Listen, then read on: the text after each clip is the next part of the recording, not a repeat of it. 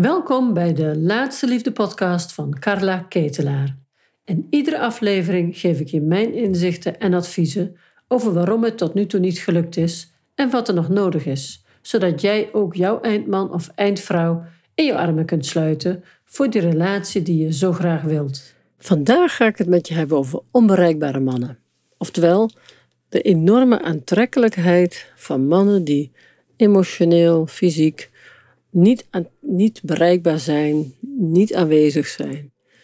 Nou, ik uh, heb gisteravond weer, dat is zo leuk, we hebben in, ons, in mijn programma hebben we twee keer per week een Zoom coach call. En in die Zoom coach call behandel ik allerlei vragen. Gisteravond was het, we kijken, ik denk dat er van de twaalf vragen gingen er wel vier of vijf over onbereikbare mannen.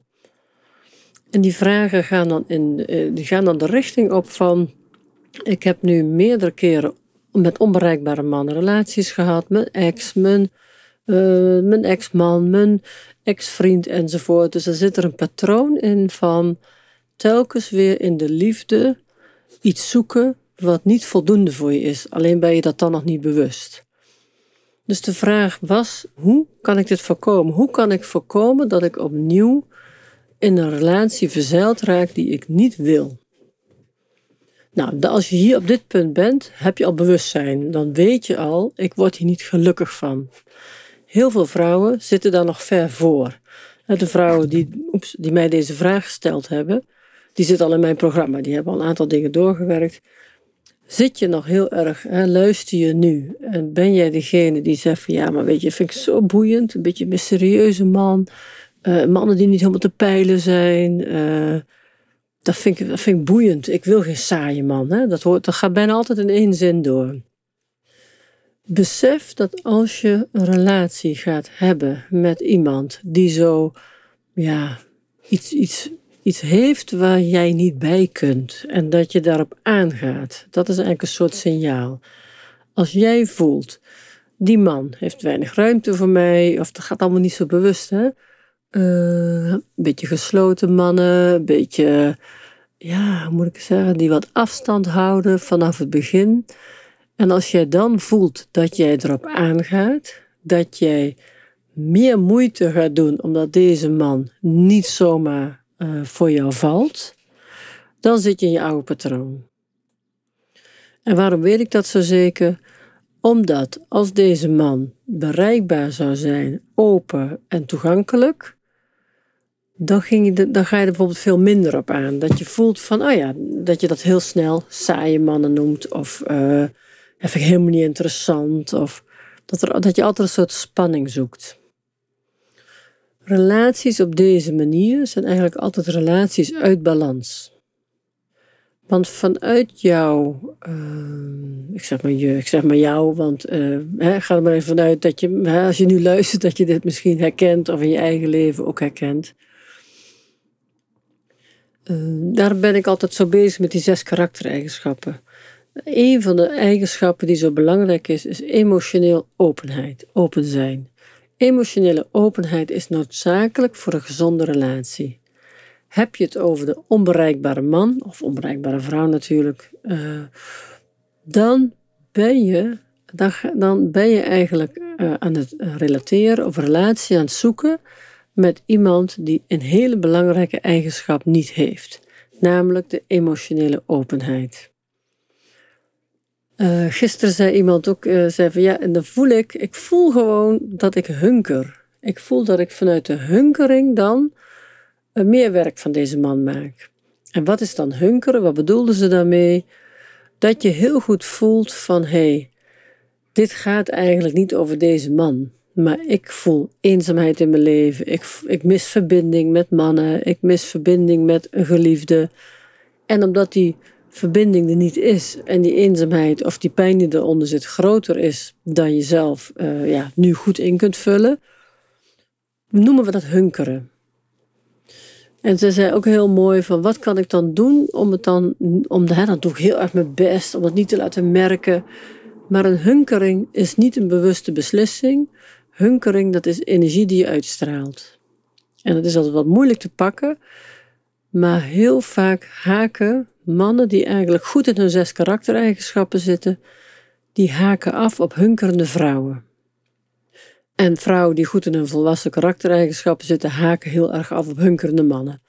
Want als jij goed in je zes karaktereigenschappen zit, heb jij, ben je gevuld in jezelf. Heb je een gevuld goed leven. Heb je een aantal eigenschappen niet, dan zou je kunnen zeggen, ik, dan heb je een aantal tekorten in je leven nog. En dat is niet erg, maar wil je een gezonde relatie, dan is dat wel belangrijk om daar naar te kijken of daar bewust van te worden. Nou, ga je nu daten met een tekort, dan zou je ook kunnen zeggen: dit, ik date met een hunkering. Die tekorten, die gaan mee, die hunkering, die gaat mee in die dateafspraken. En heb je, dan gaat hier wat ver, maar er zijn allerlei manieren waarop je dat kan voelen.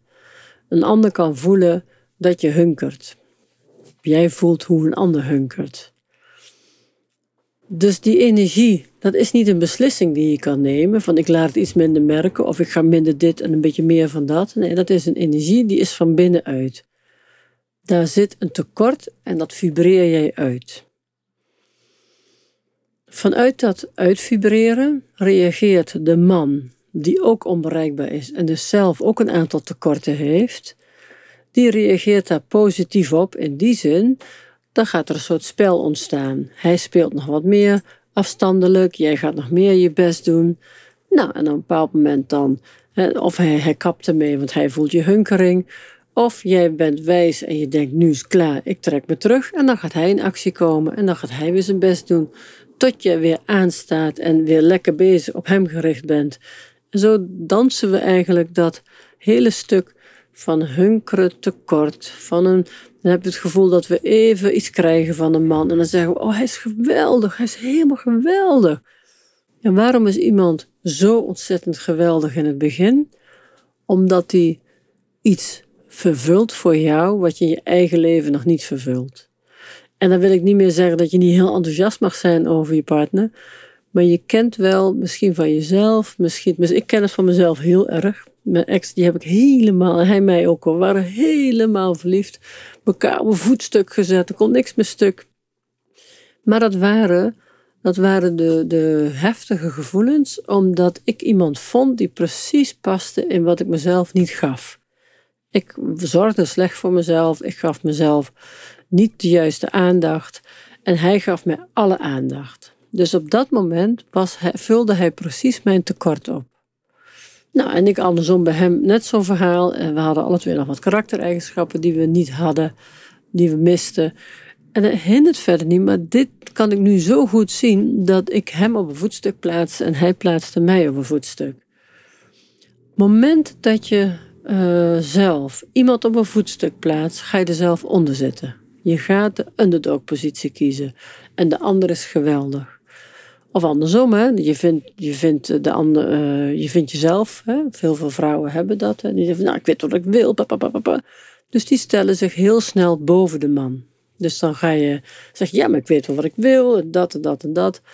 En de ander, die krijgt eigenlijk geen kans om zijn zijn te laten zien aan jou, want je, hebt al je zit al in je hoofd en je vindt al van alles. Dus dan zit je zelf in de upper dog en dan zet je de ander wat lager. Maar dit zijn allemaal voorbeelden van niet gezonde insteek voor een date of relatie. Een gezonde insteek is op gelijkwaardig niveau. Dan zit je op een beetje op hetzelfde level. Je hoeft er niet boven te gaan staan, je hoeft er niet onder te kruipen. Het is gewoon, jij voelt je goed over jezelf, hij voelt zich goed over, zichzelf. En jullie hebben daar contact. Wat er dus, als we wat verder kijken in die hunkering. Hunkerende mannen en hunkerende vrouwen hebben bijna altijd een tekort in de aanwezigheid of aandacht van de andere ouder gehad. Zeg maar, voor mannen is dat de moeder, en voor meisjes is dat de vader. Nou, ik houd even bij de vrouw van gisteravond. En die, als we dan terugkijken naar de jeugd, dan zit daar een, een hiaat. Dat zijn hardwerkende vaders soms, uh, die heel erg hun best doen. Het zijn dus geen slechte mensen of rotmensen. Het zijn gewoon hardwerkende mensen vaak. Uh, heel vaak, uh, wat gisteren waren, de twee vaders hadden eigen ondernemingen, dus die waren veel van huis. Dus maar waar het over gaat is dat je door de afwezigheid, door de afwezigheid, fysieke afwezigheid van een ouder, maar het kan ook een ouder zijn die aanwezig is, maar emotioneel afwezig is. Dus ik noem dat de, de aanwezige, afwezige vader. Ik had zo'n vader, was best redelijk wat thuis, maar die was heel erg met zichzelf bezig. Uh, niet, dacht ook wel aan ons, maar bijvoorbeeld krant lezen, niet zo prater. Uh, ja, eigenlijk niet zo in de communicatie. Ik heb als kind heel erg gezocht uh, mijn weg moeten vinden naar doe ik ertoe, uh, vindt hij me aardig, houdt hij van me. Uh, dus ik kwam eigenlijk redelijk zonder anker, ging ik zeg maar de puberteit in. Hoewel ik hele lieve ouders had. Maar dat emotionele stuk, dat heb ik niet ervaren. Ik hunkerde het liefdesleven in, zullen we maar zeggen. Nou, en als je eens naar jezelf kijkt, wat was jouw vader voor persoon? Was die warm voor je, lief voor je, maar was die ook emotioneel verbonden met je? Nou, wat is nou emotioneel verbonden zijn? Dat je dingen te horen krijgt als kind. Bijvoorbeeld, wat fijn dat je er bent, ik hou van je, je bent mijn lieve dochter. Nou, allemaal dat soort bevestigende dingen. En dan zeggen we heel vaak, ja, maar dat was de generatie toen niet. Maar dat is niet waar het over gaat. Het gaat erover dat als je als kind uh, bijvoorbeeld niet op schoot getrokken wordt, niet geknuffeld wordt, nooit hoort dat je lief en aardig bent, dan raak je een beetje zoek in de wereld. Hoe moet ik dat zeggen? Dat je, je raakt je anker een beetje kwijt. Je hebt, je hebt ankers nodig om goed ja, je eigenheid te kunnen voelen, om goed op te groeien als mens. En als je dat niet in je jeugd gehad hebt, is het je eigen opdracht min of meer om dat later in je leven alsnog uh, te gaan doen. En dat is wat wij, waar we heel vaak mee bezig zijn als het over bewustzijn gaat. bewustzijnsontwikkeling. Dan moeten we een aantal ankers nog maken die we als kind niet hebben meegekregen. En wat we kunnen zien is dat ik zie heel, ik spreek natuurlijk heel veel vrouwen altijd over relaties. En in het relatieverloop kan ik dus zien of iemand uh, goed geankerd is of niet goed geankerd is, hè, of gehecht is. Er zijn allemaal verschillende benamingen voor. De niet goed gehechte kinderen, mannen, vrouwen, die hebben in relaties heel vaak problemen op dit gebied. Vaak minnaars. Dus, dan, heb je, dus dan, dan wil je wel een relatie, maar een gezonde relatie vind je dan saai of, of wat dan ook, uh, trekt jou niet aan. Dus je zoekt het altijd, dan zoeken we het heel vaak in de, in de bijzondere. Hè? Hij moet bijzonder zijn. Het is vaak drama, toppen dalen. Als je een, een, die hechting wel gemaakt hebt op het emotionele gebied, ga je veel kalmer het liefdesleven in. Want je hebt geen tekorten. Jou, jou, je bent goed bevestigd, je bent ja, goed zeg maar gevuld, ga je het liefdesleven in.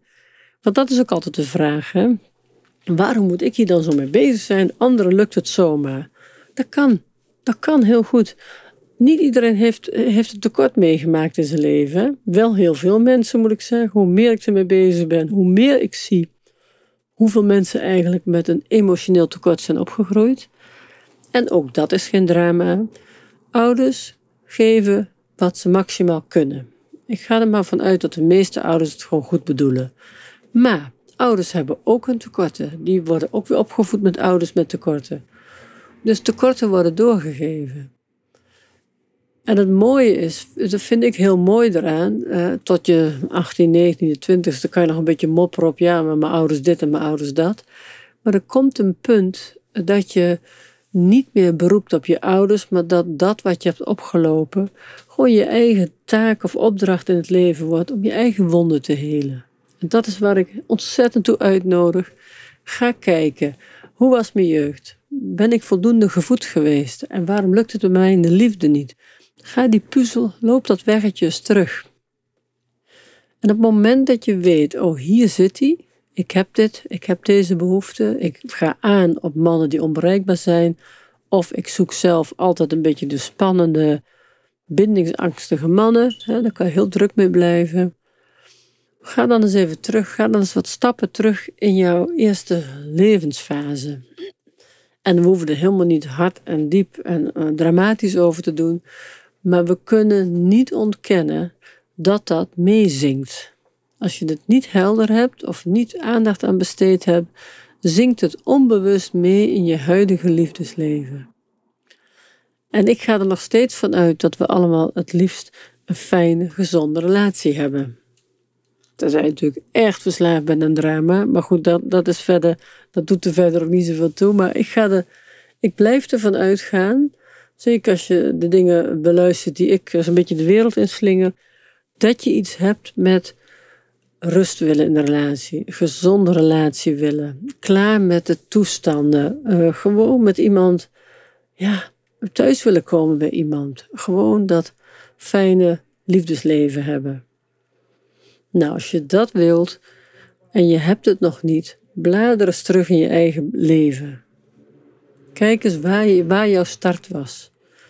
Hoe was het met de vervulling van je ouders, de emotionele vulling die je ouders jou konden bieden? En zonder het, het ze te verwijten, het is wat het is, je bent nu waar je bent. En daar hoeven we ook niet zielig over te voelen of zielig over te doen. Het is geen drama. Het is wat de meeste mensen tegenkomen in het leven. Ik denk zelfs wel eens dat dit ook de uitdaging in het leven is. Om dingen, om te groeien, om dingen, uh, ja, dat we geconfronteerd worden, zodat we bezig blijven om onszelf te blijven ontwikkelen. Dus als je dat op die positieve manier kunt zien, onderzoek je eigen leven, waar op relatiegebied jij je tekorten kunt voelen. Op het moment dat je dat hebt, kun je ook die hunkering, daar kan je op vele manieren zelf aan werken om het in jezelf te vervullen, waardoor als je met die man aan de datettafeltje zit, dat dat niet meer in je energie zit. Ik zeg ook altijd, zorg dat je zelf een leuk, goed gevuld leven hebt. Dat zeg ik natuurlijk niet voor niks. Dat gaat hierover. Op het moment dat ik ga daten omdat de ander mijn leven leuk moet maken, krijgt hij een hele zware rekening gepresenteerd. Want bijvoorbeeld doet de ander het al fout. Niemand kan de ander gelukkig maken. Je kunt, het geluk kan wel toenemen, je, maar je hebt een bepaalde, ja, gelukkigheid is misschien wat een te mooi woord, maar je hebt een bepaalde tevredenheid. Je hebt een bepaald niveau in je leven nodig van het goed hebben met jezelf en met je leven om een gezonde relatie te krijgen. Dus dat leuke leven van jou kan wel toenemen, maar als je je niet goed voelt over jezelf, kan een ander dat nooit voor jou doen. En je ziet het heel vaak, hè, dat we eigenlijk met toch bepaalde pijnen in een relatie komen.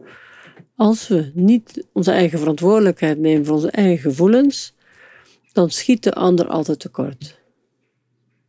En ik, vertel vaak wat over mezelf. Ik kan het ook zo hebben, dan ben ik al een tijdje zelf, uh, dan, ben ik, dan werk ik te hard of dan zorg ik slecht voor mezelf. En dan uh, ga ik me storen aan Steven. Heel simpel. Dan uh, vind ik dat hij te weinig contact met me maakt, bla bla bla bla bla. En die kijkt ondertussen zo van: oké, zijn we daar weer? En als ik als hij dan zo kijk, dan weet ik precies: oh ja, ik loop iets te zoeken bij hem wat ik eerst mezelf moet geven. Het is dan een klein voorbeeld. Maar zit je in, in de start nog, bij zoeken naar, zoeken naar een relatie, dan is het heel erg belangrijk om jezelf te gaan onderzoeken neem ik 100% verantwoordelijkheid voor mijn eigen gevoelens. Als ik niet blij ben, kan ik dat zelf oplossen of bel ik een vriendin. Dat maakt niet uit. Je mag wel zeker wel andere, andere uh, hulp zoeken. Maar we leggen het vaak te snel bij de partner neer, bij de, andere, bij de partner die je zoekt. En die moeten vaak in het begin al aan allerlei dingen voldoen. En dan worden we kritisch. Kritisch over zaken waarvan, ja, waar de ander eigenlijk nog niet zo op betrokken is in jouw leven, omdat je hem pas kort kent. Maar vanuit de oude pijn die je toch projecteert in het huidige leven met, met partners, dat, dat doen we automatisch, krijgt de ander het gevoel, wat ik ook doe, het is nooit goed genoeg. En er gaan heel veel relaties fout op deze zin. Wat ik ook doe, het is nooit goed genoeg. En als je dat herkent van jezelf, of dat je zelf zo'n gevoel had, of dat jouw partner dit zei, dan zit je in een ongelijkwaardige relatie. En iedere ongelijkwaardige relatie kan gelijkwaardig worden. Als beiden naar zichzelf willen kijken, kun je de relatie op een, op een nieuw, nieuw level krijgen. Dat vraagt alleen bewustzijn. Ik zeg dat het makkelijk is, maar het is een interessante weg. En je gaat steeds meer ja, uh, ja, uh, gelukkig worden, tevreden worden. Ik vind mijn leven veel rustiger nu ik 100% verantwoordelijkheid neem voor mijn eigen gevoelens. Ik kan niemand meer, ik kan heel simpel, kan niemand meer schuld geven. Ik kan op niemand meer mopperen. Als er iets niet goed gaat in mijn leven, heeft het in eerste plaats met mezelf te maken. het is heel erg rustgevend. En natuurlijk heb ik soms wel dat ik dingen tegenkom met mensen, maar dat spreek ik uit of ik los het op. Of... Dus, dus dat maakt dat 100% verantwoordelijk voor je eigen gevoel, vind ik persoonlijk een echte bevrijding. En ik heb daar lang over gedaan, omdat ik eerst heel veel therapie heb gehad. Ik had het ook niet zo door. Ik vond het dat nooit zo duidelijk. Ja, ik denk dat ik het daarom ook zo graag over vertel. Ik heb dat gemist dat ik dat op deze simpele manier hoorde. En daar bedoel ik mee uh, dat je wat er in jouw leven gebeurt bij jezelf houdt. En niet uh, met de daten meeneemt, niet in relaties meeneemt. En als je in een relatie zit en je voelt dit, dat je het alsnog gaat oefenen met terugnemen. waar, waarom ben ik hierin beland? Wat, waarom irriteer ik me zo? Wat, wat zie ik niet van mezelf? Wat verwaarloos ik in mezelf?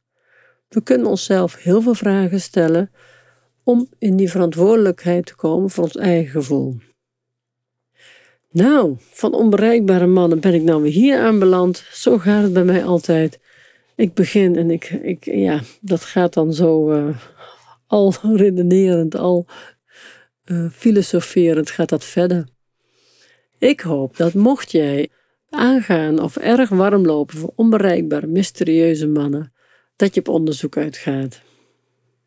En vond je het interessant? Er is nog veel meer van mij te lezen.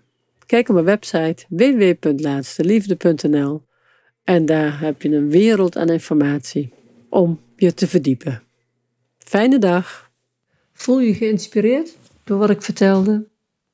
En voel jij langzamerhand ook weer jouw verlangen? Dat je het eigenlijk ook heel erg graag zou willen. En ik weet dat het bestaat. Ik help vrouwen er dagelijks mee. Ik zie mooie liefdes ontstaan. En als jij nu voelt, ja, misschien wil ik ook wel ja, geholpen worden, of misschien moet ik toch maar eens gaan onderzoeken of ik zelf wat stappen kan zetten. Ik vertel je er heel graag over.